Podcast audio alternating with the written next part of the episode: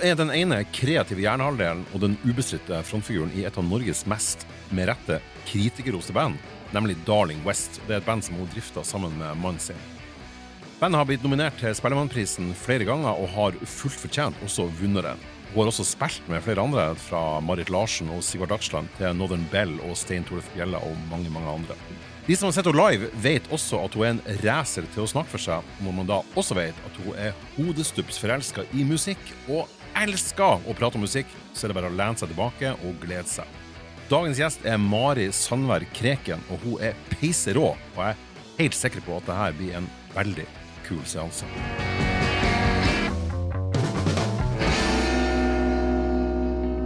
Da er det helt utrolig hyggelig å invitere selveste Mari Sandberg Kreken som gjest i dag. Hei, hei. Så utrolig hyggelig å være her. Så bra. Eh, Settingen her er jo at eh, vi er i eh, midten av mai, og du skal spille konsert med bandet ditt Darling West på eh, bakrommet på Amtmanns i Tromsø her i dag. Ja visst. Og det er jo helt uh, fantastisk gøy. Dere er jo et ekstremt hardt turner turnerende band. Men Ja. uh, da jeg snakka med deg på, på, på, i forkant der, så, så, så var jeg så fascinert av det dere holder på med for tida, som ikke da er konsertvirksomhet. Fortell litt hva dere holder på med, Mari. Ja, det vi har holdt på med denne uka her, eh, imellom uh, turneringa vår, er å sette i gang med en juleplate, rett og slett. ja, det, alle var litt sånn demotivert, og litt sånn halvirritert på meg fordi at jeg eh, legger opp et veldig hardt løp for dagen. For bandet. Ja, putter inn ting i kalenderen. Jeg Får ikke se familien sin, nei, nå her skal vi jobbe. Men eh, vi har jo et slags eh, momentum, skal man kalle det, eh, med den julekonserten vi gjorde på NRK i fjor, og har eh, noen arrangement på julelåter som vi er veldig stolte av og veldig glad i. Så vi tenkte vi skulle dokumentere det, da. Denne kvelden før kvelden, som jo er en, en av de store TV-kveldene i, i Norge, der spilte dere en ganske sånn bokstavelig talt spilt en, en, en sentral rolle. Kan du fortelle litt om hva det her var for noe? Ja, det var eh, Jeg lurer på om det har kommet um, som et resultat av et annet prosjekt som vi starta i pandemien, som heter eh, Starta altså med å hete Friday Sessions, og nå heter det Family Sessions, for vi tok en del gjester inn i vår musikalske univers, på en måte, vårt musikalske univers, og så spilte litt coverlåter sammen, sammen med andre artister, da. Ja, og la det ut på og la det YouTube. ut på Ja. Mm. Så der er det en eh, full serie med masse spennende snacks. Hvis det er 52 forskjellige eh, artister, var det ikke det? Jeg vet ikke akkurat hvor mange artister det var, men eh, det første året så gjorde vi en hver eneste fredag. Fordi Ja. da hadde vi tid til det. Mm.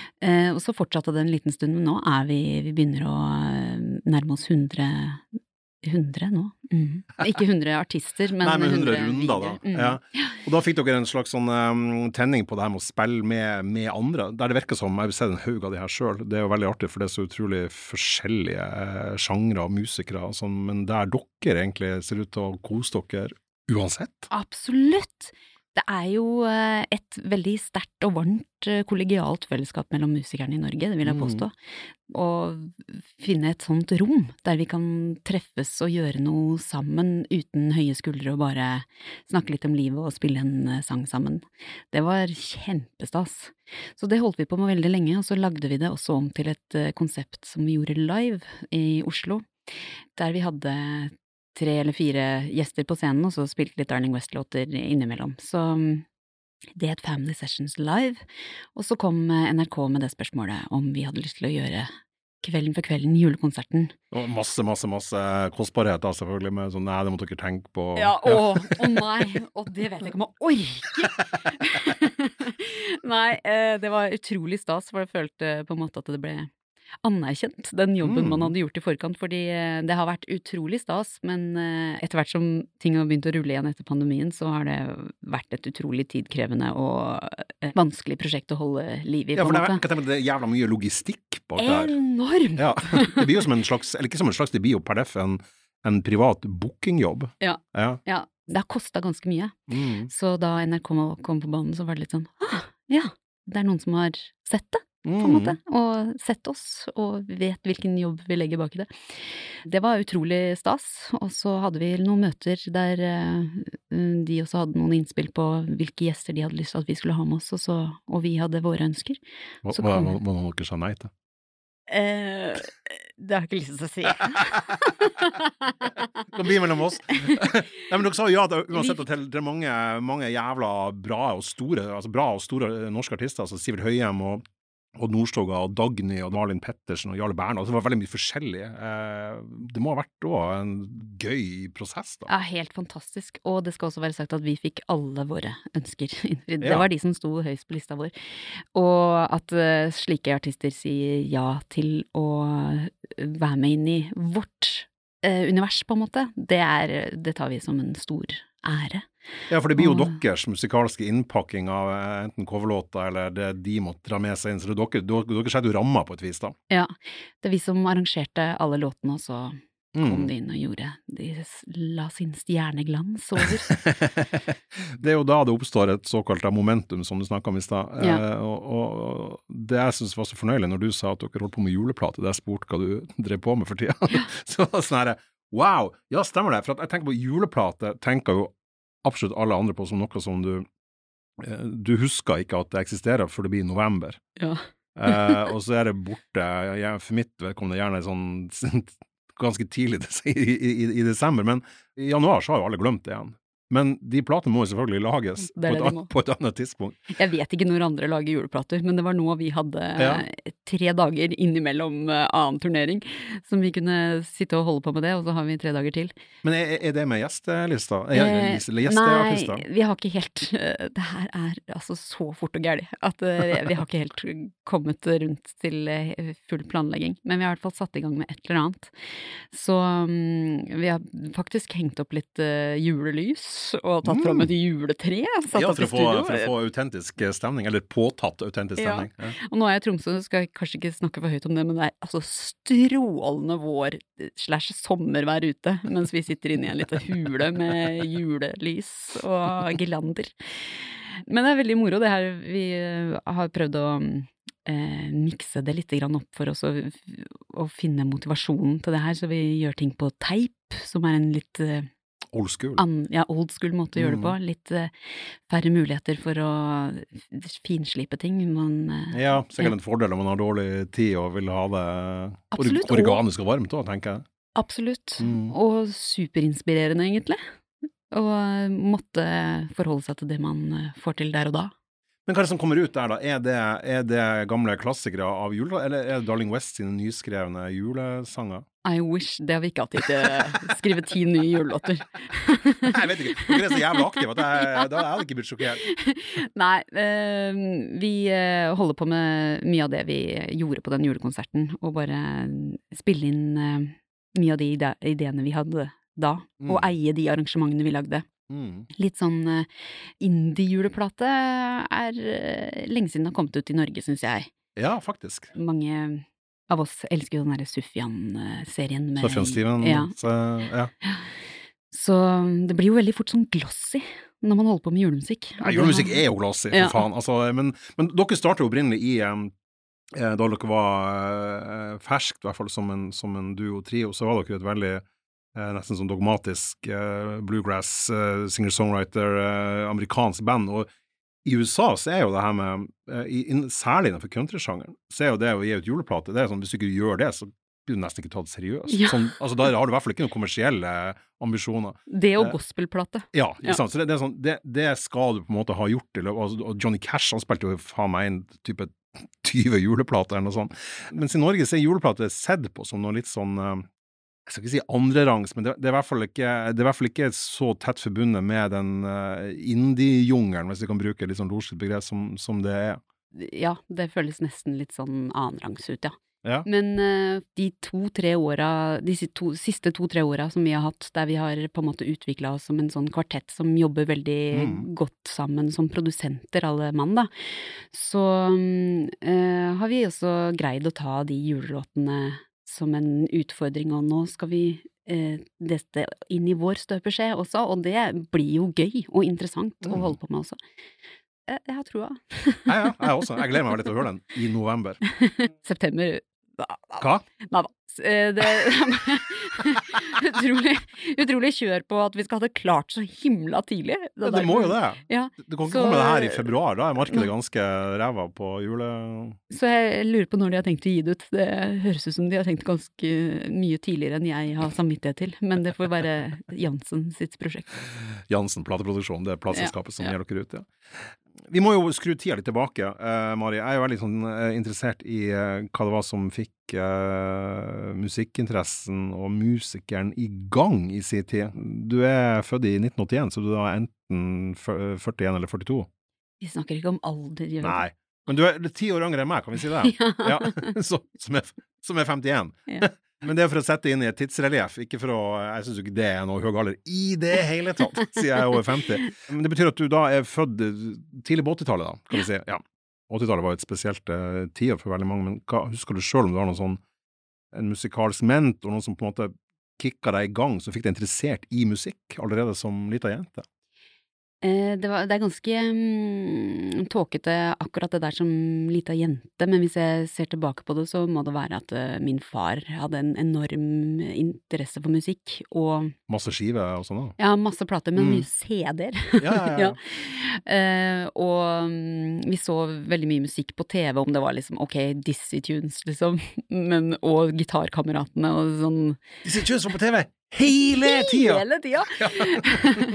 Han elska liksom TV-konserter, og mm, vi hørte veldig mye på musikk i bilen. Det var liksom på et tidspunkt eh, vi barna i baksetet var liksom Har vi ikke hørt Achy Breaky Heart litt for mange ganger nå på oh, den ja, turen til Stavanger? han var på countryen. eh. Enormt glad glad i Ah, country. Her detter jo brikkene på plass. Hva, Ja. hva det var av country han eh, hørte på da? Nei, det var mye den derre twang-greia til Billy Ray Cyrus og sånn, da. Steinar Albrigtsen var veldig eh, mye spilt i bilen. Da snakker vi slutten av 80-, tidlig 90-tallet. Ja. Ja, ja. Mm. han var jo gigantisk. Og så egentlig ganske altetende generelt, men jeg hørte aldri jeg følte at jeg, jeg gikk glipp av um, den derre Beatles og de, de kule tingene, på en måte. Fra 60-tallet. Ja, Led Zeppelin har aldri vært uh, en uh, greie i vårt hus. Nei. Men uh, det kunne brått liksom dukke opp en CD med Michael Bolton, eller Oi! Céline Dion, Ja, det, det er jo litt oi, men Michael Bolton, det Har du hørt det i moderne tid? Altså, Nei. nei. Nei, Du det må har jeg ikke ikke. finne på å gjøre det. Nei. Jeg har tatt testen. Det, det er ubeskrivelig jævlig. jeg følte Når jeg tenker tilbake på det, så hadde jeg liksom sånn varmt hjerte for eh, menn med langt, krøllete hår. Steinar Albrigtsen, Michael Bolton. Jeg vet hvem jeg ville ha valgt av de to, for å si det sånn. Uansett sammenheng. Nei, så det dukka opp en del sånn andre forskjellige ting også. Den uh, Unplugged-plata til Mariah Carey husker jeg var Og jeg ga også hun ut sånn MTV Ja, Unplugged. den var helt nydelig. Ah, Ja. Det, Har du hørt på den i ettertid? Det er veldig mange år siden nå, men eh, den fulgte meg liksom eh, oppover i 20-åra òg, faktisk. Ja. Den Ja, for hun har jo en helt Hun har jo en helt vill stemme. Ja, Eh, Jeg tror hun sto i Guinness rekordbok på noe sånt antall skala som hun kunne ta, for hun går så jævlig høyt opp. Og det der er live på MTV, det er helt fantastisk bra produksjon. Den burde jeg høre igjen. Ja, det syns jeg du skal gjøre. Det skal jeg òg høre på, for jeg har ikke hørt den. Men, men helt åpenbart da, en, eh, si, en, en musikkglede som var til stede i, i familien, både i bilen og, og hjemme med masse plater og, og alt det her. Og en opplevelse av at, det- at man brukte det også som litt sånn ro og trøst i livet, på en måte. Eh, Min far uh, fikk en sånn kronisk ryggskade da jeg var ganske ung, sånn tiårsalderen. Så han hadde mye kroniske smerter. Mm, Og han brukte musikk veldig sånn aktivt. terapeutisk. Ja. Ja. Mm. Uten at eh, han nødvendigvis eh, så på det, eller hadde fått tips om det fra en terapeut, fordi et, terapeut er ikke noe han har gått til. Nei. Men eh, ja, det var sånn jeg opplevde at han brukte musikk, på en måte, da. Ja, det gir jo full, full mening, det. Det er jo en grunn til at musikk faktisk nå da brukes bevisst også i terapeutisk sammenheng, og det er jo veldig god selvterapi med relativt eh, små bivirkninger, kan vi si også. Mm. Snakk med deg på forhånd, så nevnte du også, eh, og det, det skjønner jeg også med alderen din, altså, du, du nevnte eh, Alanis Morissette, som, som også som, og hun var jo jævlig svær på midten av 90-tallet. Det var sånn ungdomsskoletida for meg. Eh, Husker du hvilken plate det var? Jagged Little Pill. Ja, tredjeplata hennes. Ja, Ja, ja. Med den, hva det er, Ironic, hva det heter den hiten? Ja, Ja. Ironic. Og så niendeklasseavslutninga husker jeg at jeg, jeg prøvde å spille gitar og synge en av de låtene på den plata der. Gjorde du det? ja. Det opptak av det? Ja, faren min tok opp alt på videokamera. Så det Ja, men så kult! Nei, det skal aldri Å, så bra! Eh, kona mi driver og tar opp alt som eh, dattera hennes eh, gjør, og det er altså så kult i dag at hun har gjort det. Ja, Men jeg er utrolig glad for at jeg vokste opp i en tid der YouTube eh, fortsatt eh, ikke fantes.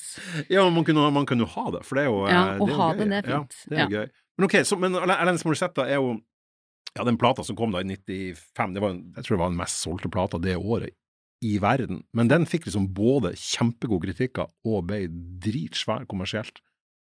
Kanadisk eh, dame. Da driver på ennå. Ja visst, jeg har ikke hørt eh, på det nye. Ikke heller. Men eh, det var jo stort på den tida også at det er en sånn eh, dame med så mye trøkk og vilje Mm. som eh, slo gjennom. Jeg tror det mm, appellerte til mitt eh, tenåringssinn.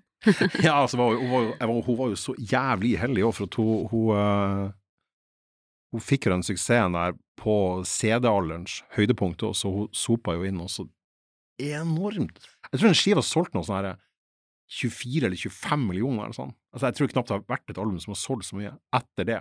Tenk å tjene så mye penger på musikk. Ja. Nei, det, det hadde vært noe. ja. Alanis Morissette var jo på en måte i en slags bru mellom det alternative og det kommersielle. Så skjønte jeg etter hvert at du da fikk eh, en sånn stor forelskelse da med, med, med, Radiohead. Absolutt. Var det, var det OK Computer, eller var det Det var ok Computer. Det var den, ja, ja. Mm. Det var egentlig en sånn ganske vanskelig plate, sånn hvis man skulle sette den på for noen som aldri har hørt om bandet. Ja, kanskje det. Det opplevdes ikke sånn for meg. Nei. Det var en sånn uh, instant uh, forelskelse som jeg bare det, overtok liksom alt annet jeg hørte på på den tida. Jeg greide ikke å høre på noe annet. Og hvis jeg skal være litt sånn eh, personlig, Mm. eh, så, så er jeg oppvokst i et ganske sånn konservativt eh, kristent miljø, rett og slett. Ok, altså både hjemme og rundt deg? Ja, Ja. I den tida der var det veldig mye sånn brytning for meg. Hva, hva er riktig for meg, på en måte, og hva skal jeg velge? Og man hadde liksom krefter som eh, dro i begge kanter. Og der Jeg hørte så mye på den plata, det var noen som ringte meg liksom fra det litt sånn konservative miljøet og sa at eh, du hører for mye på, på ikke-kristen musikk. Oh ja, på Og det må du legge fra deg, på en måte. Og da, altså som voksen, så tenker jeg ah, bullshit, det hadde vært rart å liksom ta det opp som en eh, som en faktisk eh, mening å ta stilling til, på en måte, i det hele tatt. Men som 15-16-åring så blir man jo, vet man jo liksom ikke hvilken vei man skal trekkes. Så jeg husker at jeg lå liksom våken på kvelden og tenkte altså, kan jeg ikke høre på Radiohead, så, så må den nesten bare gå til helvete. Hvis du ikke får høre på det, ja. Ja, ja, ja. Jeg husker sjøl den plata veldig godt da den kom. Hva det var det, 98, tror jeg. Så husker jeg at um, den er kanskje det beste eksempelet på en sånn plate som, som du, du blir nysgjerrig på etter én gjennomlytt. Og så begynner du å skjønne litt mer av det i andre tredje og fjerde, og så får du en veldig sånn narkotisk avhengighetsforhold til, til, til, til plata der du bare faen ikke får nok av den. da. Nei. Den er ei sånn plate. Og når du er den rusen der, og du er Altså, du var jo da 17-18 Ja, er der i hugget. du så gammel? Ja, 15-16, da. Ja, Litt ja. avhengig av tiden kom ut. Mulig jeg blingsa med et år eller to. Det var, det var 97. Du er så god på årstall. Jeg... Nei, jeg sitter bare og sier masse tall. Det kan være, det kan være feil alt. Men i hvert fall sånn, når når du da er i, i la oss si, slutten av tenårene, eller i, i tenårene, så er jo de første sånne opplevelsene er jo så jævlig sterke. Ja. Og hvis noen voksne da kommer og sier at det her ikke er bra for deg, så det står jo som regel bare gærent, da. Da vil man bare ha mer. Ja. ja. Det vil jeg tro, men eh, den opplevelsen der er liksom eh, Nå tar jeg et valg.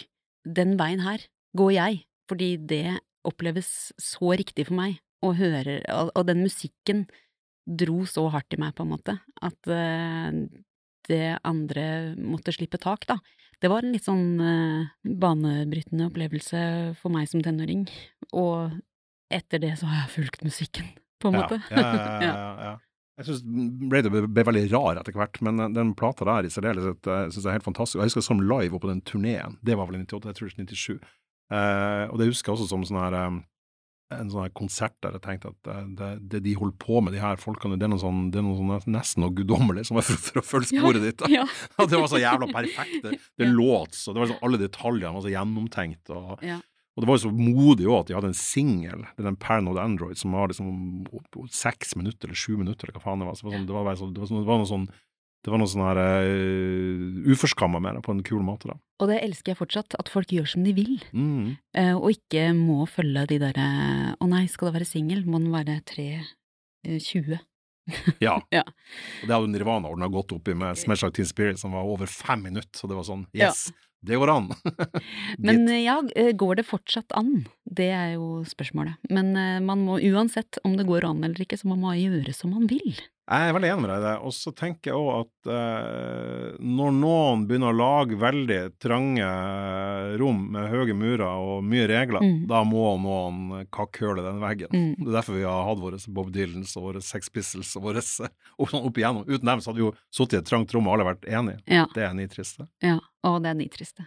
Du har jo vært veldig sånn uh, innafor en ganske sånn tradisjonell eh, musikalsk kontekst fra, fra liksom folk, eh, americana, eh, bluegrass og over til mer sånn poppa ting som fortsatt har røtter i de samme. Det er, en- det er en rød tråd det du holder på med. Men ettersom jeg forsto på det, så var du også i, i ungdomstida da du kom til, til hovedstaden. Hvor er du fra, forresten? Horten. Du er fra Horten! Mm. Rockensby. Ah, hvem er det som er derifra? Det er, er Vidar Lund Arnesen, ikke han derifra? ja, det kan hende. Eh, Rolf Wesenlund, eller? Ja, Rolf Wesenlund. Det er litt stiligere. Også Girl in Red, da, du. Ja, ja, ja, ja, ja. For en arv. Ok. Men du dro da fra Horten til, til, til Oslo? Ja. Hvor, hvor, Eh, hvor mange som bor der. Drammen. Jeg vet ikke hvor mange som bor der. 25 000-30 000? Jeg bodde på et uh, enda mindre sted som heter Borre, uh, som var bare et lite kryss uh, før Horten. Outskirtsen av Horten. ja, og da var Borre en egen kommune, nå er det i Horten, så da sier jeg at jeg kommer fra Horten. Men Ja, ja, ja. det het Borre da jeg bodde der. Så flytta jeg hjemmefra da jeg var 16, fordi jeg skulle bli bloms blomsterdekoratør i Drammen. Så jeg hadde et mellomstopp der. Var det, var det en drøm? Eh, jo, jeg vet ikke hvor det kommer fra, det er så mange ting som har skjedd som bare Ja, ja, men det høres gøy ut, det gjør jeg. Så det var en av de tingene jeg bare gjorde. Flytta til Drammen, eh, gikk to år på skole og to år som lærling, ble blomsterdekoratør, flytta til Oslo. Så du, du var fire år i Drammen? Mm. Å, dæven, ja. Og dekorert med blomster? Ja. Ok, og så dro du inn til Oslo. Blomsterbarnet Mari, var, hva var hun da eh, klar over at Eller var det en slags bevissthet om at musikk er jævla viktig? Det var fortsatt eh, veldig viktig, jeg var et veldig sånn mm, musikktungt miljø, på en måte. Men jeg dreiv jo ikke med musikk i det hele tatt, jeg var jo blomsterdekoratør. Spiller ikke gitar? Ingenting? Nei, nei, Nei. ingenting. Jeg, spil, jeg spilte ikke gitar eh, etter niendeklasseavslutninga, da jeg spilte Alanis Morissette. Så det var siste opptreden på Ja. mange, mange år? ja, ja. Wow, da, da, da er det opptaket enda viktigere å få, få sett. Jeg hadde ikke tanke eh, for å starte med musikk sjøl, på en måte, men jeg var veldig glad i å høre andres musikk, da. My, mye på konserter og eh, nevnte kanskje for deg også at eh, Emil Nikolaisen var en sånn eh, stor figur i vårt miljø. som, Ja, en, eh, eh, en, eh, en ruvende skikkelse i norsk eh, undergrunn, særlig da. Ja. Serena Manesje selvfølgelig, og Silver, og nå faktisk også um, festivalarrangør. Han Ja. skal ha en fantastisk kul festival eh, i Moss i sommer. Lyse netter. Stemmer det? ja? Mhm. Og har jo jobba med masse, masse størrelser. eh, Så hvor du ble kjent med han? Det er gjennom venner, på en måte. Vi var en sånn gjeng. eh, Og når man er sånn eh, 20 pluss, så har man jo så masse venner. Ja. Var, han, han var jo veldig rundt der, miljøet rundt Elm Street og Soat, særlig de to. Ja, So What, Mono. Ja, Mm. Mono også, Mm. selvsagt litt senere. Eh, hang du mye der? Ikke på mye konserter på Soat? Mye So What. Altså, den eh, trange kjelleren der, og alle røyka. Det, man måtte bare begynne å røyke, liksom. Ja, det var ikke det. Altså, det, var jo, det var jo direkte uklokt å ikke røyke. Uh, jeg har aldri vært på konserter uten å røyke, for å si det sånn. Det var jo et uh, ekstremt høyt aktivitetsnivå der. Ja visst. Ja, jeg føler at det var jo ikke bare det gjorde, så mm, Og alt går Det føles litt sånn tåkete, eh, hele den derre 20-åra, egentlig, for man holdt på med var altså så enormt produktiv med alt mulig greier. Vi bodde på Frogner, hadde et uh, søsterkollektiv oppe i gata, lagde noe som vi kalte Briskebyfestivalen, oh, ja. ute i bakgården deres. Og så hang litt på Sowot, særlig når Silver spilte. Ja, fordi var det Emil også var- var- ja, ja, var med, ja, ja. det var Det er litt kult at du da sto og så på et band som hadde medlemmer som endte opp til slutt da i Turboneger og Glucifer og Kvelertak og Good Band Is Ugly og Ja, ja. Serena Manesh Det ble jo jævla mye av det bandet, da. Ja, Ja. absolutt. Mm. Også husker jeg så et par ganger på Soot. Mm. Og øh, jeg var med Serena Manesh på turné i Danmark og hadde ansvar for å smøre rundstykker til bilen. Så jeg var så, så enormt produktiv Og og lagde noen klær. Og, ja, Mm. så det var, øh, det var en veldig sånn kreativ øh, og fin periode. Uten at jeg var kreativ med musikken, egentlig. Jeg var på en måte tilhører og en som heia på sidelinja. Så det her er jo fortsatt ganske lenge før du begynner å lage ting sjøl og ender opp i band og sånn. Hadde du noen slags idé på det her tidspunktet, da, at du hadde lyst til å gjøre noe sjøl? Overhodet ikke. Ingenting? Nei, ingenting. Herregud, hvor spesielt. Ja, men som sagt så var veldig Skapergleden var veldig der til stede i andre ting, da. Ja. Vi var veldig sånn kreativ gjeng.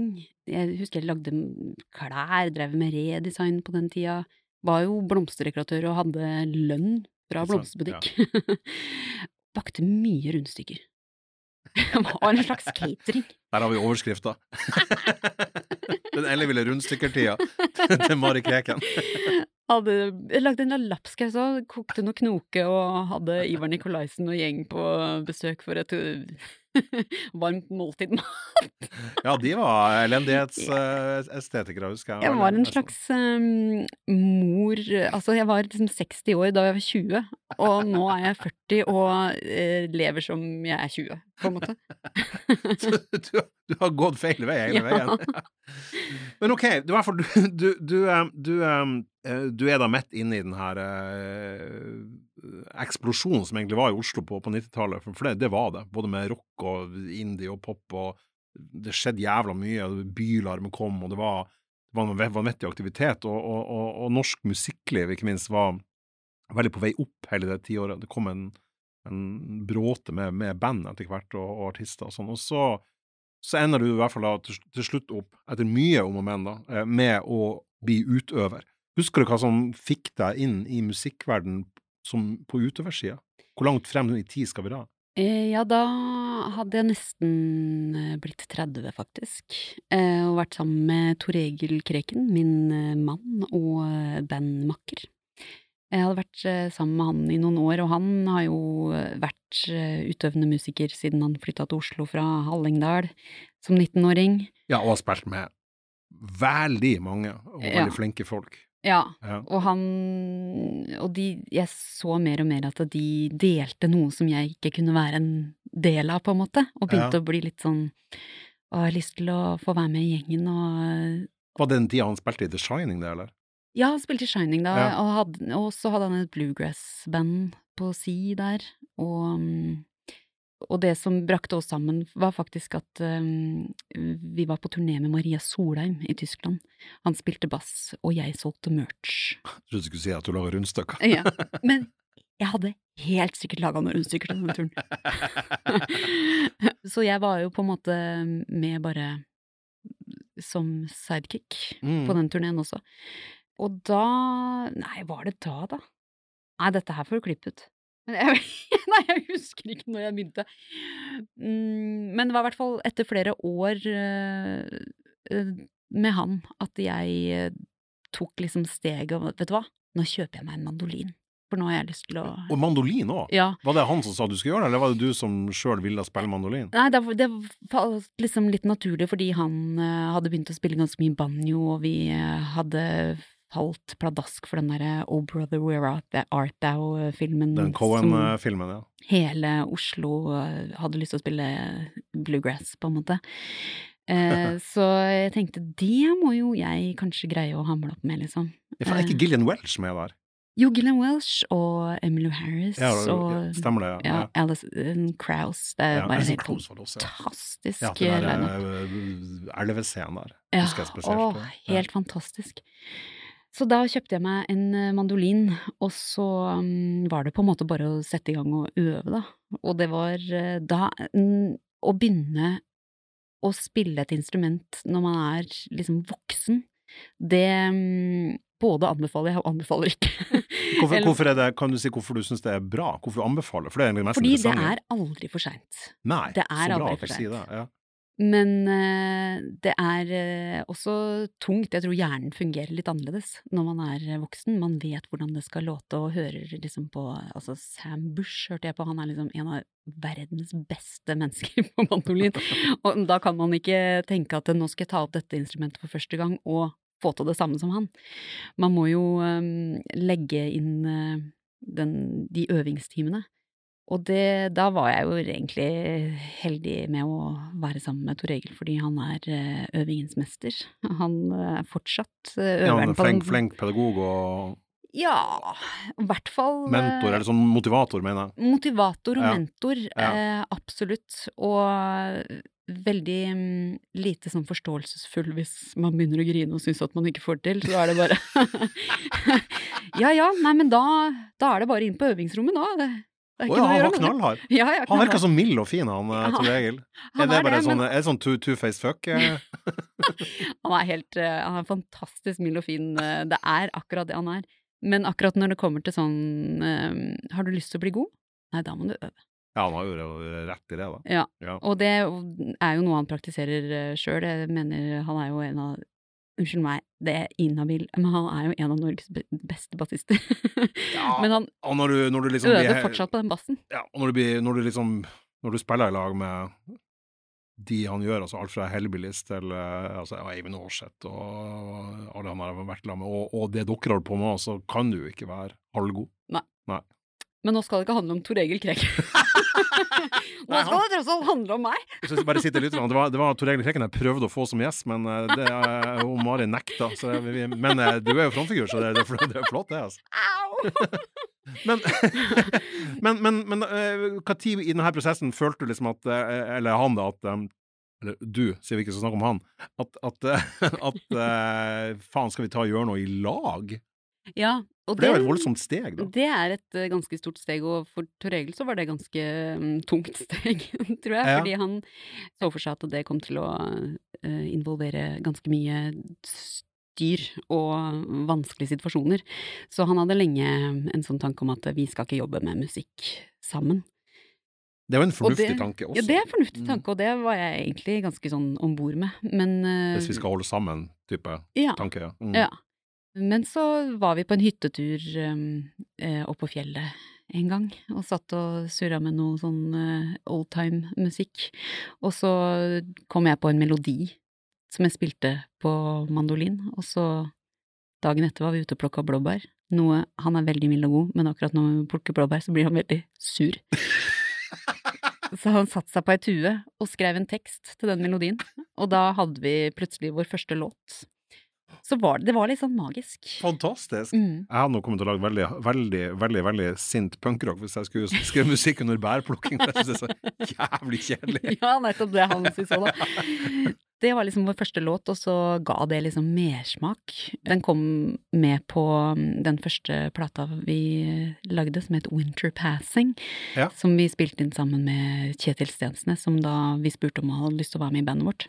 Den kom i 2014. 2014. Ja, mm. Så, og da fikk vi jo veldig mye god tilbakemelding på den låtskrivinga, og så fikk man ny giv til å kanskje sette i gang med noe nytt, da. Ja, og han, han, han var jo også den som på en måte fylte inn, så det er på godt norsk, at dere ble, en, eh, dere ble sett på som en trio Ja. på den tida. Mm. Mm. Ja. Og han var en stor del av eh, den eh, musikalske mm, Eller det uttrykket vi hadde da, da. Mm. Men nå skal det også være sagt at i, i mellomtida her, eh, eller var kanskje rundt den tida vi ga ut Winter Passing, da, så, mm, så hadde jeg eh, sagt opp jobben min som blomsterdekoratør. Fordi jeg bare tenkte, skal jeg bli god på det her, så må jeg ta en pause og, og øve. Ja, for da har på en måte budskapet til Tor Egil eh, trengt inn, da. ja. Ja. Eh, så mm, da eh, slutta jeg i blomsterbutikk, og så fikk jeg en ekstravaktjobb på et eh, hjem for psykisk utviklingshemma. Og så øvde jeg i et års tid. Var det fortsatt mandolin, da? Der var det eh, mandolin, men så var jeg veldig Jeg har vært veldig heldig på min musikalske vei, fordi eh, jeg har vært i dette miljøet veldig lenge. Så det var flere artister som på en måte tok meg inn i varmen. Så plutselig så hadde jeg betalte eh, frilans-gigs med for eksempel Maria Solheim eller Stein Torleif Bjella, og etter hvert Marit Larsen. Ja. Hun har du spilt mye med. um, Ja. Men Bjell, altså, Stein Torleif Bjella leide deg inn som frilansmusiker. Ja, det er ganske da- rått, da. og da er liksom pressures on. Så da. Eh, Og jeg er nok en veldig sånn flink pike-type menneske. Så da var det bare å legge seg i selen og, og bli god på det man skulle gjøre. Eh, Så da var vel på en måte den læringskurven fra jeg starta å spille instrumenter til jeg sto på scenen med andre artister, var veldig, veldig bratt. Du ble jo kasta jævlig brått inn i det, da. Veldig. Ja, Ja. Men det var kanskje en fordel òg? Liksom kasta på havet og svøm, for faen, liksom. Ja. Ja. Og så har jeg jo hatt det med vokal, er jo eh, litt mer sånn fra naturens side, på en måte. Så det har jeg jo hatt i tillegg til dette instrumentale. Det virker som det faller veldig naturlig for deg når man ser deg live, i hvert fall. Den vokalbiten ser ikke ut som du er veldig anstrengt på. Nei, sant. Så, mm, så det hadde jeg jo i tillegg, så eh, for med Marit så ble jeg jo på en måte hyra inn som hennes eh, sangmakker, på en måte. Men så uh, kunne jeg brukes på andre ting også, fordi Mm. Sett Mari på den uh, rollen, hun kan lære seg å spille gitar til i morgen. Det går bra. Ja. Men, men det gikk jo bare to år før, før oppfølgingen kom, og eh, den, den hørte jeg jævlig mye på sjøl, husker jeg. Og, og jeg måtte bare printe ut, for det var så, de er så fislete coverne på, på um, Spotify og sånn. Og her er jo man ser på den, da, så er det, det er ikke veldig sånn bakgrunns... Det er jo ikke den bakgrunnsfiguren vi snakker om her, som, som står og er veldig forsiktig og ikke vil frem. Nei. Det er jo du som er på coveret. Det er meg, det. Ja, på hele coveret. Eh, Bærer bildet av deg. Jeg er Darling West på Ja. det coveret der. Ikke sant? Det er noe sånn classy cover som, som Jeg tror liksom jeg skjønner hvordan musikk det er, Nå gjør jeg det fordi jeg vet det. Men, men der er jo du skjøvet helt i front. Det er bildet av deg på coveret til, til bandet Darling West. Og da må jo den beskjedenheten i hvert fall ha sluppet til, sluppet løs at du nå er du nå er du frontfigur, da. Ja, det har vært en eh, lang vei for meg å Ja. innta den rollen, på en måte. Men det her er jo allerede andre plata. Ja, det skal være sagt at akkurat når det kommer, det coveret, så har det en naturlig forklaring. Og det er at vi hadde en sånn fotoshoot der det var, som var veldig lite vellykka. Sier du det? Men vi bare ja ja, vi må ha noe på coveret. Men det bildet der, det er ikke så verst. Det må jo gå an å bruke det. Ja ja. Jeg syns det er jævlig stilig. Ja. Jeg synes det har noe sånn her eh, Det er noe sånn noiraktig Det kan være noe sånn classy americana bluegrass, og det kan også være jazzplate, tenker jeg, når man ser på coveret. Ja, sant. Nei, det er morsomt eh, hvordan man kan analysere ting i etterkant eh, som er rene tilfeldigheter. Ja, men det jeg tenker ikke er en tilfeldighet, det er at i hvert fall at plateselskapet og du og bandet går for at det er At alle er enige om at det, blir, det her blir coveret, og det er du som er i front. Og da, har man på en måte, da, da skjønner man jo på en måte også ut av det, etablerer en frontfigur, som Ja. jo du også er på på konsertene, så fremstår du som en, som en frontfigur, helt sånn naturlig, tenker jeg da. Ja, det er jo ingen av de andre som har lyst til å ha den biten med å prate. Jeg er nok også en slags eh, kontrollfrik, så jeg har ikke lyst til å slippe til de andre mye. Og Tor Egil snakker så sakte. Vi hadde aldri blitt ferdig, liksom, hvis jeg hadde sluppet han. Det blir som Bruce Springsteen-konserter, bare med tre, med tre låter i stedet for Ja. 30. Nei, men det er jo eh, en rolle som eh, siden 2014, nå er vi snart eh, ti år inn i bandet Darling West, og det er først nå, kanskje, de seinere åra og på den plata her, jeg føler at eh, ja, men det, det kan jeg være. Jeg kan være frontfigur. Å komme her og snakke med Egon Holstad på podkast. Det er jævlig skummelt. ja. Nei, for jeg har sett dere ganske mange ganger live, og, og, og, um, og den, den snakkebiten der er, er jo noe du har um, veldig kontroll på. Altså Noen artister snakker jo ingenting, jeg syns også det er helt, eh, helt, eh, helt, greit, det er ikke noe man må gjøre. Men det virker som at det faller veldig naturlig for deg. da.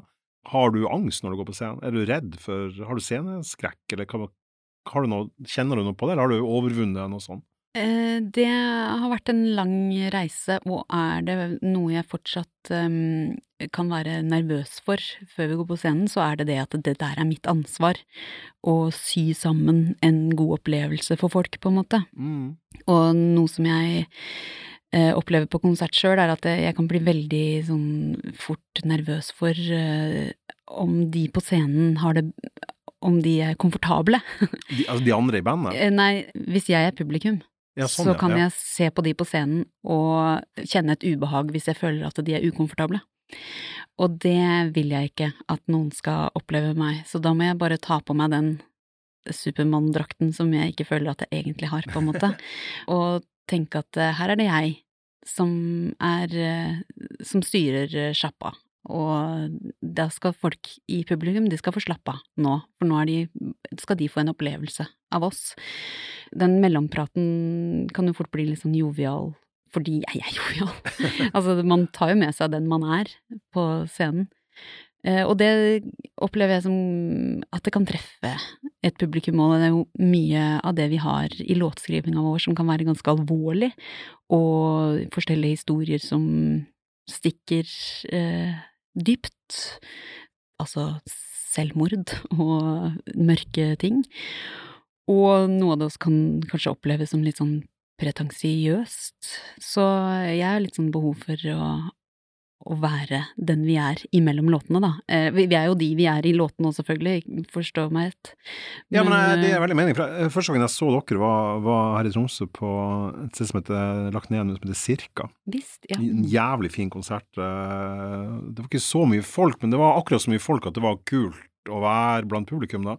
Og man så at dere hadde, eller i hvert fall dere var veldig gode å gi inntrykk av at, at dere hadde det fint, fint, på scenen. Vi har det som regel veldig fint. Ja, det, det, det, så ut som dere hadde det veldig, veldig fint. Og da, Settlista var jo da basert på de to første platene, og det var, det var mye mollstemt, og det var mye, mye, mye al alvor i, i tekster. Men da, da virka det også som den, den snakkinga, som var veldig sånn jovial, som du sier, men som også var mye kødding med, med, fra deg spesielt, om, om, det ekteskapsforholdet mellom deg og Tor Egil.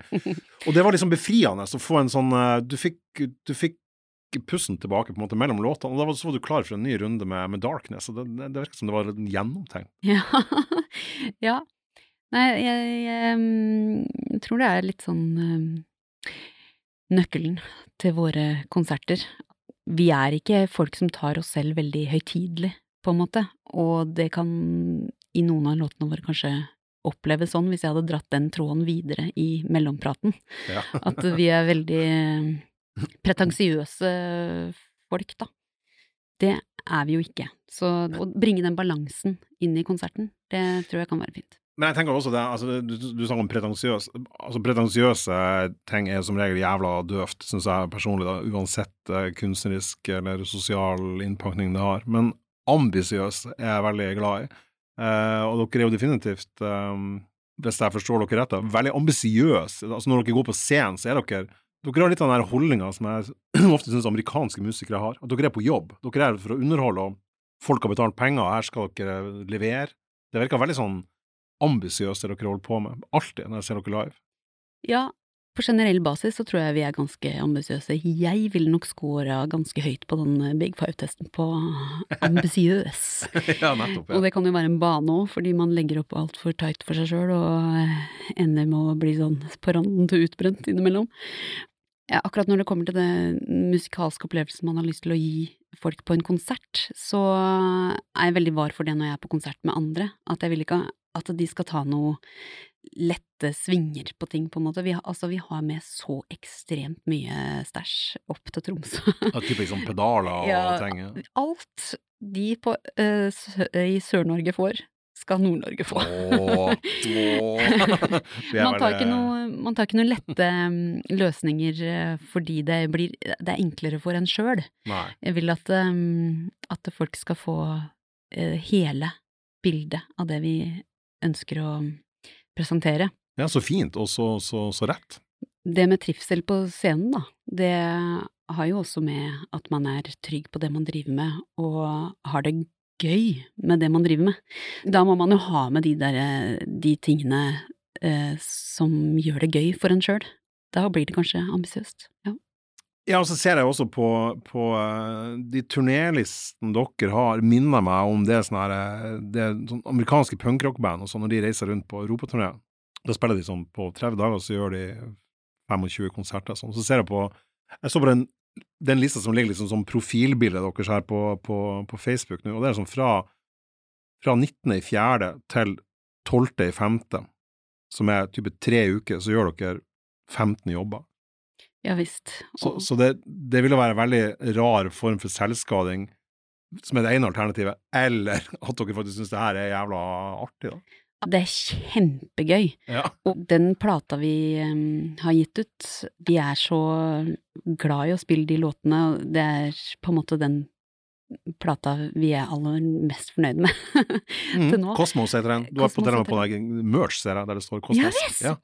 Egen Ja, merch. så egen merch. Det er lov, det òg. Ja. Ramones hadde det, da har du lov lov det òg. står ikke Darling West på den, da hadde jeg ikke tatt den på, men det står Kosmos.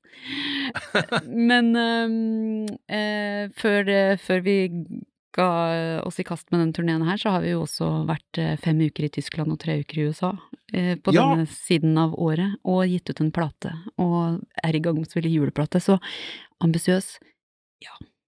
Og så jeg også det her, det her med at dere turnerer så mye i, i, i Norge, det er én ting, det gjør jo alle norske band, må jo, eller bør jo gjøre det. Og så, og så, så har dere vært mye i utlandet. Eh, eh, og USA er jo en sånn her eh, milepæl for veldig mange. Særlig kanskje hvis man driver på med det i hvert fall dere har holdt på med, og og for så vidt frem til nå òg, det er jo en rød tråd dere holdt på med hele veien. Så er deres musikk er jo veldig forankret i den amerikanske musikkarven, det må gå an å si. Absolutt. Ja. Ja. Og, og da er jo det der med å komme til USA Hvis vi nå hold- holder unna alt som er, liksom og Trump og alt det pisset der, for det er så jævlig lei av. Men hvis vi tenker på USA som en musikknasjon, da, eh, i en, i en kulturell kontekst, det å komme til USA, få spille i USA, det er jo på en måte drømmen. Å få se alle de historiske plassene og gå på de historiske live- livestedene og venuesene og, og de platesjappene og alt det der. Har, har det gitt dere en sånn følelse av å komme hjem til noe, da? På en måte, ja.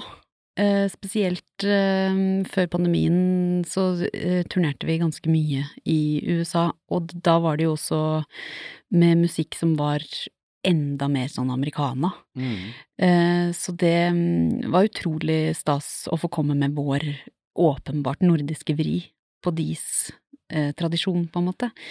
Og de var jo veldig eh, åpne for det, egentlig. Vi var litt sånn redd i starten for at eh, å ja, Ja, skummelt å komme til Nashville og Austin og stakkars de tror eh, at de kan drive med dette, på en måte. ja.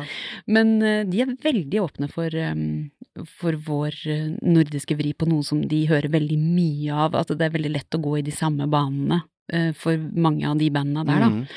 At det her var en litt sånn nys, nytt, frisk pust. Samtidig som vi skriver jo tekster på engelsk. Og det På engelsk? På engelsk!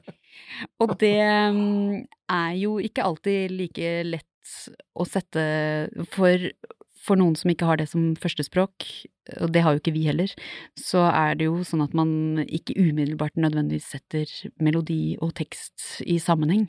Men det gjør jo amerikanerne. Å få ha den opplevelsen av at det, noen hører musikken vår for første gang, og kommer til merch-boden etterpå og sier 'den sangen der, den traff meg så' Å, teksten! Ja, Å, og fordi de har faktisk hørt på teksten uten å høre gjennom plata fem ganger. Wow! Og det må være Da har man lov å klappe seg sjøl litt på skuldra. Det er det, det er det beste med å være i USA. Ja. Ja. Jeg snakka med en sånn eh, bransjefyr her i Tromsø som er veldig erfaren og jobber masse med, med, med musikk i alle år, og han, eh, han sa at det var en sånn her eh, øye, øyeåpner, som heter på godt norsk, som, eh, som en amerikaner hadde sagt til han, en amerikansk bransjeveteran. Han sa at du må huske på at for oss, for dere i Norge, når dere hører en, en låt, så er det 80% musikk og 20 tekst. Mm, For oss amerikanere, når vi hører amerikansk musikk, så er det motsatt. mm. Og det syns jeg var så Det var logisk når han sa det, men det var et gigantisk paradoks. Altså, det var sånn Hæ? For det er helt omvendt for meg. Altså, jeg er, jeg er veldig 80 musikk, eh, 20 tekster, og så syns jeg at god tekst er en bonus, og dårlig tekst driter jeg hvis det er bra musikk. Ja. Eh, og når du spiller da den musikken som dere gjør, der vokalen og teksten er så jævlig tydelig, så må jo det være helt fantastisk å få den der anerkjennelsen tilbake. Ja, det er helt fantastisk, og vi legger jo masse jobb ned i de tekstene òg. Mm. Så eh, det er en anerkjennelse som eh, man ikke får noe annet sted enn i USA. Og så er det andre ting med USA som eh, er vanskelig. Ja, veldig, veldig, veldig, veldig. Å komme seg dit, for eksempel, er jo eh, Det er en lang reise, og det er dyrt. Og eh, arbeidsvisum må man ha hvis man skal bare spille én. Ja, konsert. hvordan er det? Dere var nettopp nå og spilte haug med Det så ut som det var sånn, mer sånn showcase og intervju, Ja. så da er det ikke ordinære konserter. Er det på grunn av det her visum? Det er nettopp det. At eh, vi kan Forklar det der for en uh, novise. For vi reiste på bransjefestivalen South by Southwest i Austin, og da får man en invitasjon om, uh, som man kan vise i passkontrollen hvis det blir behov. Så da trenger man ikke arbeidsvisum. Og så gjorde vi en radioturné, Tor Egil og jeg, etter at de andre gutta hadde reist. Der er dere to spilte akustisk Ja, i radioshows Ja. og gjorde intervju. og gjorde intervju. Ja. Mm. Så da trenger man ikke visum. Men skal man eh, spille en liten konsert med, der publikum betaler, så må man jo faktisk ha visum, og det er blitt veldig strengt. Men eh, jeg tenker på det du snakka i stad om eh, at det kommer en amerikaner eh, etter konserten og forteller om den låten som traff og sånn. Men da- er det jo eh, Når, man skriver en, en tekst eller en låt, og for så vidt hvis man skriver en e-post også, så har man jo de her ekstra sekundene Nå snakker jeg veldig for meg sjøl, altså. Jeg føler jo at jeg er mye, mye bedre skriftlig eh, engelsk enn jeg er muntlig engelsk. For at når jeg skriver engelsk, så har jeg jeg har de ekstra sekundene hele tida. Mens når jeg snakker, snakker engelsk, føler jeg ofte at det er en litt sånn en 15-årig utgave av meg som, som egentlig snakker. Men jeg skal jo heldigvis ikke lansere plata mi på, på amerikansk radio.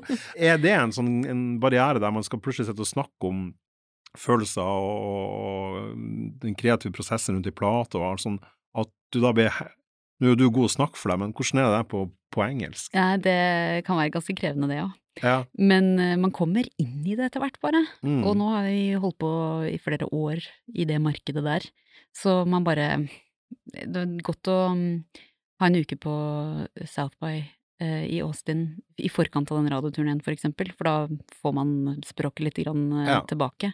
Og så, så går det litt av seg sjøl, og de er så, mm, så lite kritiske, og egentlig bare kjempestas at vi kommer så langt. Og Ja, men så bra. Det er jo helt rett. Ja. Det er jo jævlig langt også, så det er jo en bra Så jeg føler ikke at det har vært en sånn stor barriere, men eh, akkurat sånn å spille konserter og eh, apropos det å være den frontfiguren som skal prate mellom låtene, det, og er litt nervøs for det i Norge, det blir enda verre. Ja, herregud, selvfølgelig. Hvordan er det etter tre øl, da?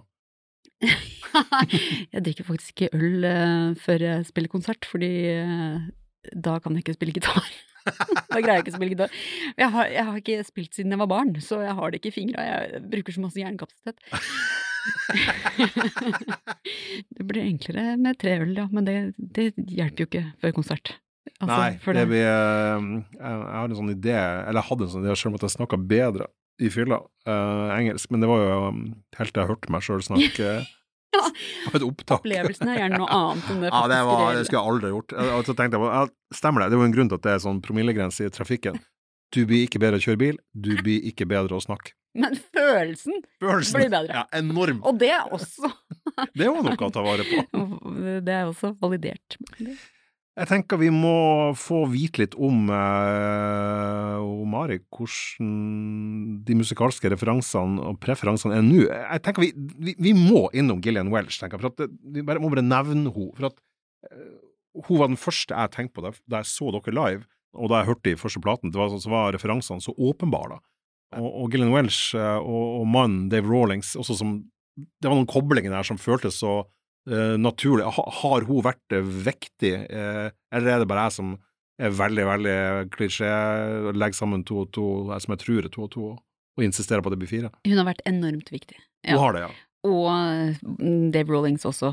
De har jo et prosjekt som heter Dave Rawlings Machine. Mm. De har vært kjempeviktige. Og Alison Krauss. Den eh, bølgen der med litt sånn folkmusikk som ikke har vært bluegrass nødvendigvis, men en litt Nei, sånn indie-versjon av det flinke, på en måte. For de var helt sånn sinnssykt gode å spille. Dave Rollings er jo så, latt, så latterlig god på gitar. Helt og- enormt, men ikke i den derre konkurranse-bluegrass-sjangeren. Men ekstremt mye følelse, da. Nei, det har vært eh, kjempeviktig, og det er fortsatt eh, en eh, artist jeg ofte kommer tilbake til. Det er en litt sånn palate cleanser, på en måte, å høre litt på Gillian Welsh innimellom. Men jeg er også sånn ganske sånn utålmodig musikalsk, og går ofte videre til nye ting. Så mm, jeg lurer på hvordan det er å være eh, så tro til en så dogmatisk greie som de er, da. Dogmatisk er et uh, utrolig presist eh, adjektiv på det dem dere holder på med. Ja. Det, det er kanskje derfor også at hun Det blir jo bare teori, men hun har jo gitt ut eh, Altså, dere har gitt ut like mange plater som hun, Ja, sant. under eget navn, altså fem. Eh, og hun debuterte jo tilbake i 96, tror jeg. Så det går jo jævlig tregt. Siste plata hennes er vel fra 2011, tror jeg, under hennes eget navn. Altså, det er i hvert fall 12 eller noe sånt. Det er i hvert fall over ti år siden den siste plata kom ut, Ja. som var med nytt studiemateriale. Og der tenker jeg kanskje at Darling West har gjort noe lurt, da. At dere er på en, en søken som kanskje hun og Dave ikke er på samme måte. For dere har, dere har jo gått nye veier. Det er jo mye mer det er mer pop, og det er mer sånn bandfeeling òg på den, særlig den Kosmos-plata. Mye vestkyst, og uh, dere har jo utvikla dere veldig. Har det vært et, en, en, en, ei villa utvikling, eller har det bare skjedd? Først og fremst veldig morsomt å bli sammenligna med Gillian Welsh. Ja, jeg mener det helt bokstavelig. Det er 100% positivt uh, ment. Ja, det, det har vært en uh, reise som har uh, Som går veldig sånn suksessivt. Vi hører på veldig mye forskjellig musikk, og som eh, Jeg har ikke lyst til å sette altfor mye fokus på det når vi faktisk snakker om bandet, men det er jo alle medlemmene av dette bandet spiller jo med andre ved siden av, som frilansmusiker, og man er innom veldig mye forskjellig musikk. Og er litt sånn rastløse, tror jeg, alle fire, som nå innebefatter Christer Sloan og Thomas Galatin, som ikke har vært en så stor del av Darling West som de er. Men De i dag ble- er dere en kvartett, eh, I dag ja. Ja. Det er det vi prøver å kommunisere, i hvert fall på denne Kosmos-plata, så man ser liksom hvordan det ja, og utvikler seg. er jo fire pers. Og, Ja. ja. For de er veldig stor del av Mm. eh, det som har skjedd på den nye plata. Det er litt sånn at vi, når vi går inn i den derre skriveperioden, så skriver vi det vi har lyst til og opplever som riktig akkurat da, og så blir det så det det blir. så får Jansen Plateproduksjon, som er vårt eh, plateselskap, ta jobben med å vite hvordan de skal eh, målrette det, eller finne målgruppen for dette. Men, men tror du det at det å ha gjort alle de her eh, Family Sessions og Friday Sessions og Kvelden for kvelden-arbeidet og alt det, det at dere jobba med så jævlig mange forskjellige folk som gjør så mye forskjellig, at det også har vært litt sånn At det, at det har utvida de ventilene litt mer eh, for dere sjøl? Absolutt, det kan eh, absolutt hende. Og det er jo, og musikken er så stor, som eh, vi snakka litt eh, i forkant av den samtalen vi har nå, snakka vi litt om mine yngre år med musikk, på en Mm. måte. Ok, så hørte faren min på eh, country i bilen, men etter det så var det liksom Radiohead som åpna på en måte mitt følelsesmessige eh, kanalene mine inn til musikken, og mm, etter det så har det bare Det har vært masse britisk undergrunn og Cocktail Twins og ting som Og den 4AD-greia? 4AD-greia, ja. mm. Videre inn i sånn Altså, jeg hørte masse på Toto. Toto! Ja, det, er, faktisk- eh, det er svært alvorlig, for det, det, det har plutselig blitt lov å like igjen. Det, det, det sliter jeg litt med. jeg vet at du sliter med det. Du skal være veldig åpensinna, men, men, eh, men det, du, hører du på Toto fortsatt? Nei, det her, nå snakker vi om tenåra. Ja, ok, ja, liksom. da, er da er det jo greit. Herregud, jeg har også gjort mye dumt i tenåra. Ikke så dumme ting, men Nei, men jeg, jeg nekter å kalle det en guilty eh, pleasure lenger. Altså, det er en liten sånn pleasure der. Fortsatt. Det, er- bare, Men er alt lov, da? Er alt Alt lov? er lov, Egon. Alt er lov. Jeg, jeg, jeg, jeg syns man må ha noen Man må jo ha noen regler, ellers blir det jo helt anarki. Det er jo ja. Er ikke du eh, for anarki? eh, Jo, inntil et visst nivå, da. Hva- jeg kan jo ikke godta at altså, I mitt anarki så er det Toto det, da, da, det, det går utafor. Men eh, vi, vi skal ikke plage deg mer med det. Men, men, Men det har på en måte eh, Reisen min inn Ja. i musikken, og Takk. reisen min inn i, i det bandet her, Darling West, den har jo vært en helt annet enn at jeg har hørt på folk og bluegrass Ja, eh, mm. fra start. Mm. Eh, det var jo bare en bitte liten sving innom det, og så laga vi band, og så eh, ble det sånn den gangen. Men opplevde du da at noen Nå avbrøt jeg deg, beklager. Nei, Ja, ok, takk. Takk for at du sa at jeg ikke gjorde det. Jeg- får kjeft av kona mi for at jeg driver og avbryter avbryt gjestene mine til å ha rett. Men men, men opplevde dere da at de som oppdaga dere på de første platene, blir forundra eller skuffa, eller syns at det her var jo ikke det bandet jeg begynte å, å, å digge, eller følger de med dere videre? Dere spiller for et utsolgt konsertlokale i Tromsø i dag, så det tyder på at dere har lyktes òg, da. Jeg føler at eh, det har vært eh, annerledes enn det vi trodde, fordi eh, vi har vært redd for akkurat det. At Mm. man har satt i sving et americana-publikum, på en måte. Og så kommer vi til å miste de. Men folk Altså, god musikk, eh, hvis jeg kan få kalle vår egen musikk Det god får musikk. du lov å gjøre. Det treffer jo uansett, hvis man er glad i musikk. Så jeg føler ikke at Det kan godt hende at vi har mista noen. Det, de mest Det dogmatiske, det har vi Ja. helt sikkert mista. De kan få høre på Winter Passing og Vine- Vineland Heartache. Men øhm, øh, vi har også nådd et nytt publikum, tror jeg, da. Med, med det som vi holder på med nå. Ja, og så er det vel en fordel òg at da Gillian Welsh debuterte i 1996, så var jo musikkfanverden mye mer, eh, mye mer eh, fragmentert. Man hørte på, man tilhørte de og de leirene, som egentlig var en jævla døv greie. At man liksom skulle bare høre på én ting. Jeg har aldri skjønt den greia sjøl. Men, men i dag så er det på en måte veldig akseptert å høre på masse forskjellig.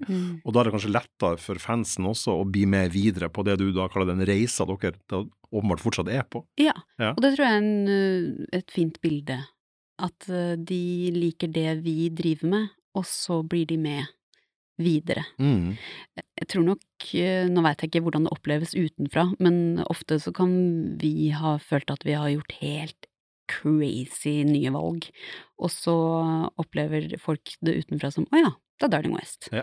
Fordi det er eh, min vokal eh, inni der, og Tor Egils eh, melodispråk på gitar og banjo. Og, så det er jo begrensa hvor langt utafor de rammene Ja. vi faktisk går, for vi er jo de vi er, og Ja, det, med er det, ikke, det er ikke språket vi har. hardcore-plater den neste som kommer. Hva sa du? Det, det er ikke hardcore-plate det neste som kommer. Nei, den veien vi er på nå er nok noe vi kan trives i en liten stund til, med litt sånn indie-pop. Um, Vi er jo veldig glad i um, den folkscenen som er i LA, som jo på en måte kalles folk i USA, men eh, som er jo pur pop, liksom. Phoebe Bridgers og Ethan Gruska og sånn. Folk som eksperimenterer med litt moderne soundet. Artig du sier Phoebe for jeg hadde Dagny her som gjest nylig, og hun, eh, Ja. som du også har spilt sammen med, som uh, nevnte hun som er sine største Ja. sånn, Der var sånn som fa fan av det. Ja, Mm. virkelig. Den Boy Gen nye Boy Genius-plata, hørt masse på. Ja, det er superbandet. Ja. Du, vi må faktisk eh, ta deg inn i noen eh, referanserammer her, og det går jo på eh, hva du sjøl ville ha tatt med deg om jeg sendte deg på ei øde øy. Og der hadde du flere svar. Det ene var Jackson Brown sin Live for the Sky, Ja visst. tredjeplata hans, tror jeg det. 1974. Eh, det tittelsporet der, var ikke det dere gjorde? Det var det dere gjorde med han Sivert ikke Ja, stemmer. Den, den er jo helt sinnssykt bra, den versjonen dere gjør med han. Ja, Var det han Takk. som hadde den med, eller var det dere som ba han om å Nei, gjøre den? Nei, det var han som uh, ville gjøre den låta, fordi han uh, hørte oss gjøre den, det andre sporet på den plata, som heter Fountain of Sorrow. Som er to av de ja, skrive de to låtene der, det er jo helt utrolig. Det er Han bare så, pepra ut plater på den tida, Ja. minst ei i året. ja. Ja. Og den låtskrivinga er sånn eh, beyond. Det er jo ikke alt som er like bra, selvfølgelig. Når man peprer ut plater, så kommer det jo litt eh, hist og pist på de platene, Ja, men 70-tallet er spesielt. Altså, Neil Young ga ut eh, ei plate hver sjuende måned sånt på 70-tallet, og, alt er bra, Ja. så å si. Ja. så det de fikk det til. Mye Ja, narkotika. var- Ja. Kanskje burde begynne å drikke de tre øla Ja, ja, ja, ja, ja ikke, ikke sant? Det er nok en artist også som jeg Let for the Sky er kanskje den som fanga min oppmerksomhet aller Mm. først. Men hele det den gjengen rundt en Laurel Canyon-bevegelsen eh, med Jackson Brown og rundt den, den, den tida den plata er fra. Har du sett den dokumentaren der om Fantastisk! veldig Den ligger på NRK fortsatt. ja, ja, det, det, er et, det var eh, der den lå, ja. Ja, ja. I to deler eller noe sånt. Den, Ja. den er kjempebra. kjempefin. Mm. Fram til narkotikaen tok overhånd. Ja da, det her er en brannfakkel, men narkotika er ikke bare bra. For å si det på den måten. Ja, det var godt vi fikk det. der. Ja, vi måtte bare få det, få, få det ut. Men eh, den, den plata du, du, du, du landa på, er åpenbart en skive som har betydd mye for deg. For da jeg intervjua deg i den spalta jeg hadde som heter På en øde øy, så kom det frem at eh, Blake Mills, som jeg da overhodet ikke hadde hørt om, var en artist du satte så høyt at du ville gjerne ha skrevet en av hans låter. da. Ja visst. Ja. Fortell hvorfor du, du landa på Hey Ho med Blake Mills, den plata du ville tatt med deg på Øde øy. Det er jo, metaforen er ikke så jævlig interessant, det er mer det hvor, hvorfor du vil snakke om akkurat den plata. Hva er det med den? For den tror jeg veldig mange ikke har hørt om også. Det er noe med den eh, Hvordan de platene til Blake Mills eh, skrider fremover, på en måte, som gjør at eh, den musikalske reisen blir så interessant. Man opplever eh, nye ting og hører nye ting eh, som skjer hver gang man hører gjennom, som jeg syns er veldig eh, gøy med den eh, den moderne folkpopen fra LA, da, som han eh, representerer også. Mm. For det, hvis jeg skulle vært på en øde øy og bare hadde hatt én plate, så vil jeg gjerne at den skal være så interessant som mulig, så lenge som mulig. Ja, at den, at den kan klare å utfordre deg på runde nummer eh, 38. Ja. Ja. Og nå er jo det, akkurat det med favoritter, det forandrer seg jo hele tiden.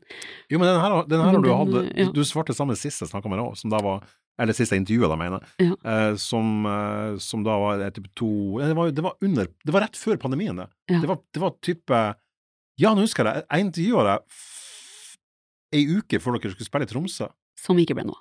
og som ble avlyst. Ja. Så vi publiserte det på intervju på nett type eh, halvannet år etterpå, da skulle skulle spille i Tromsø på nytt. Stemmer det. det kommer på nå. Men, da, men da, da nevnte du også Blake Mills. Da. Hva er det for noe? For folk, nå har jeg hørt på den plata. Den- den er veldig utfordrende og litt intrikat òg, syns jeg. Ja, han er jo først og fremst uh, gitarist. Mm. uh, og han er jo ikke noe uh, vokalist, men han har vært frilansgitarist siden han var tenåring, veit jeg. Han var også en del av et band som jeg også er veldig glad i, som heter Dawes, i sin, sine unge år. Eh, Frem til han sikkert ble for vanskelig å ha med å gjøre, jeg vet ikke, jeg har hørt at han er en ganske vrien type.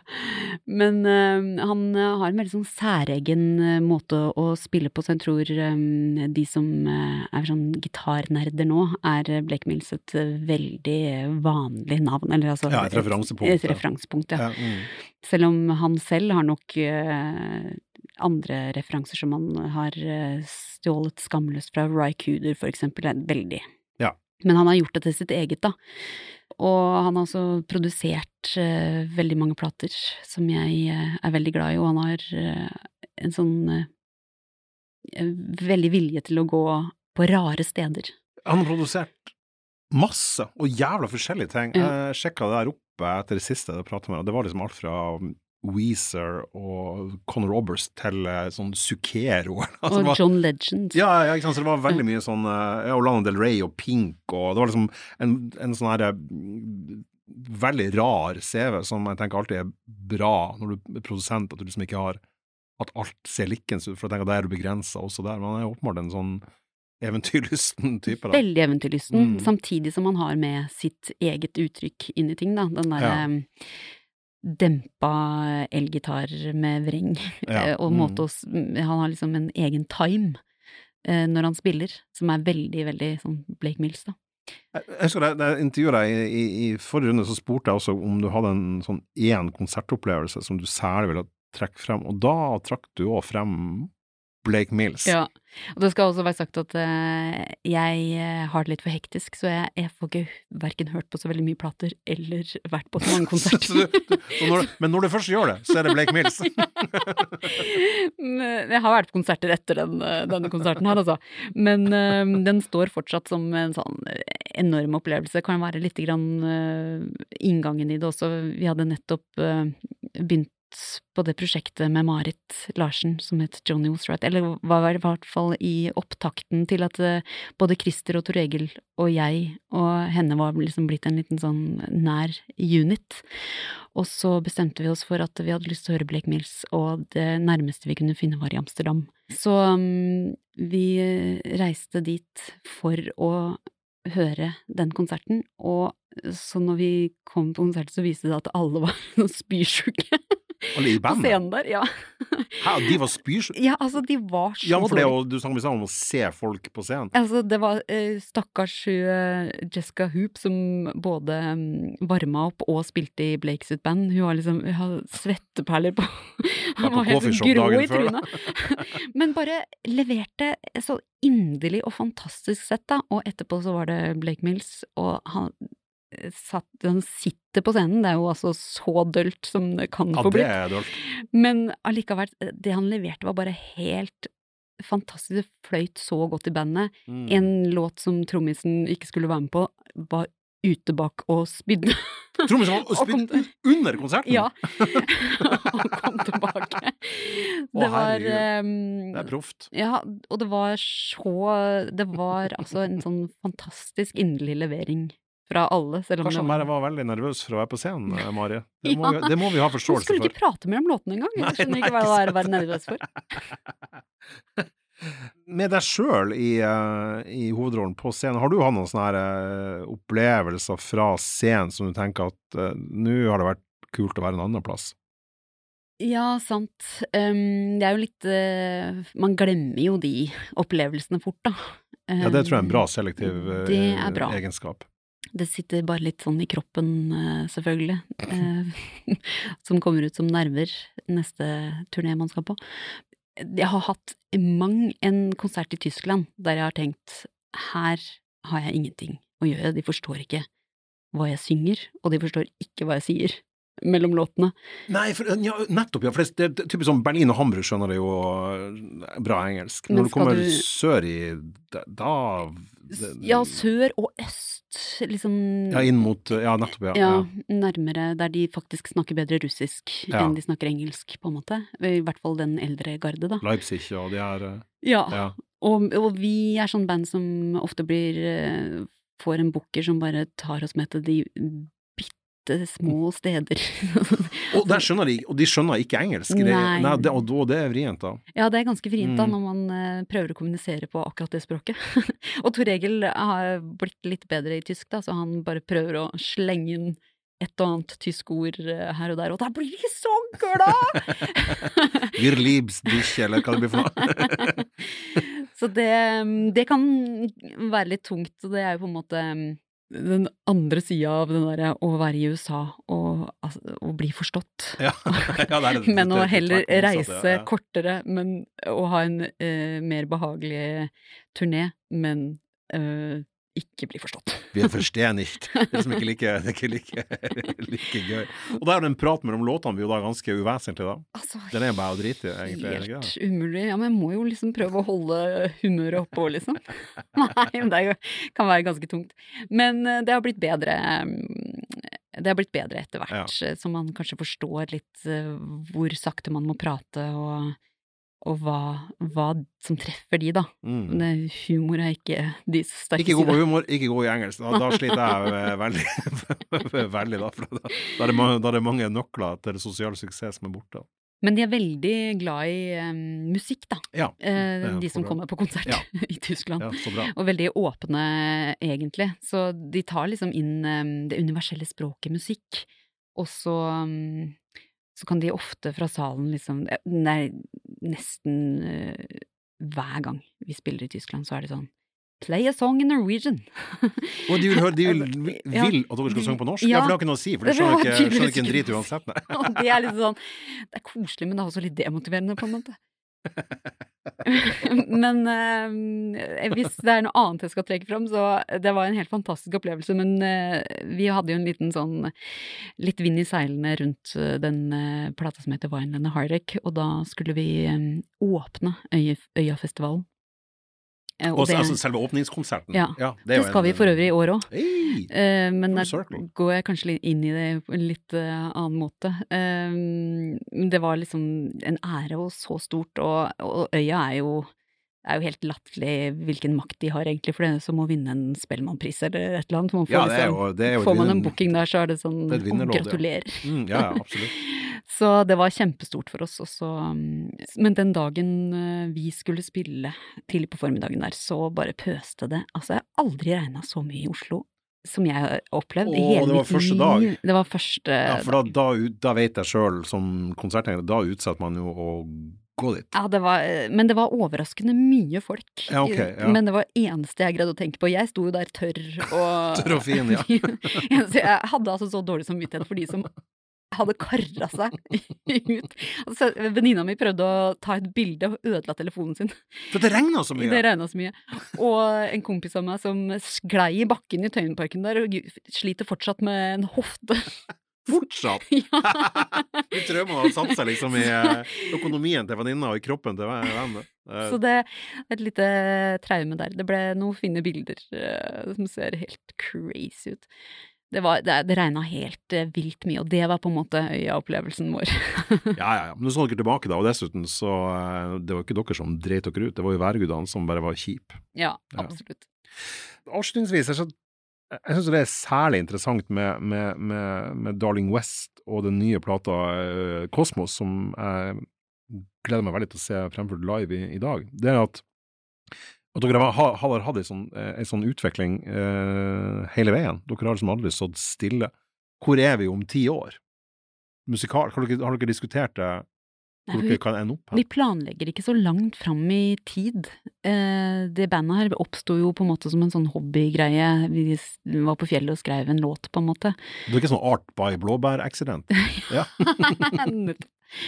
Eh, Så vi har aldri egentlig liksom snakka om eh, veldig sånn langsiktige planer, og akkurat når det kommer til musikken, så er det veldig øyeblikket som eh, rår.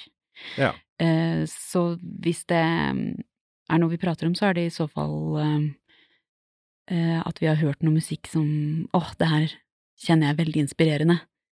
Det må vi ta med oss inn i neste skriverunde, på en måte, eller Ja, så Så hvis vi ser fremover, så må det være at vi eh, skriver opp referanser i boka for neste plate. Mm. Men eh, ikke for eh, eh, tre plater fram i tid. Nei. Mer sånn Ja, det er absolutt øyeblikket som rår i Darling West, føler jeg. Ja, og i mellomtida så kommer det jo til og med også ut ei juleplate. Ja. Ja. håper jeg! Tenk om jeg egentlig har helt, eh, eh, gitt bort for mye nå, fordi det- vi håper vi kommer i mål, men eh, jeg kan ikke garantere noe. Jeg er helt ekstremt sikker på det. Um, Marit, fantastisk hyggelig å ha deg i studio. Lykke til i kveld, og lykke til videre med juleplate, og lykke til med turneer og alt. Jeg heier noe jævlig på dere, og det tror jeg egentlig de aller fleste gjør. Veldig, veldig stas å ha deg her. Tusen takk for at dere kom. Det var helt utrolig hyggelig.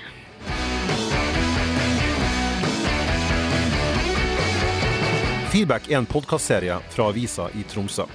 Produsenten for sendinga var han Svein Lian, og jeg heter Egon Holstad. Husk også at vi lager spilleliste der all musikken som nevnes i sendingene legges til. Og de finner du på hjemmesiden til Tromsø i feedback-seksjonen, der du også finner anmeldelser av plater, anmeldelser av konserter, samt intervjuer, liste og masse annet aktuelt musikkstoff.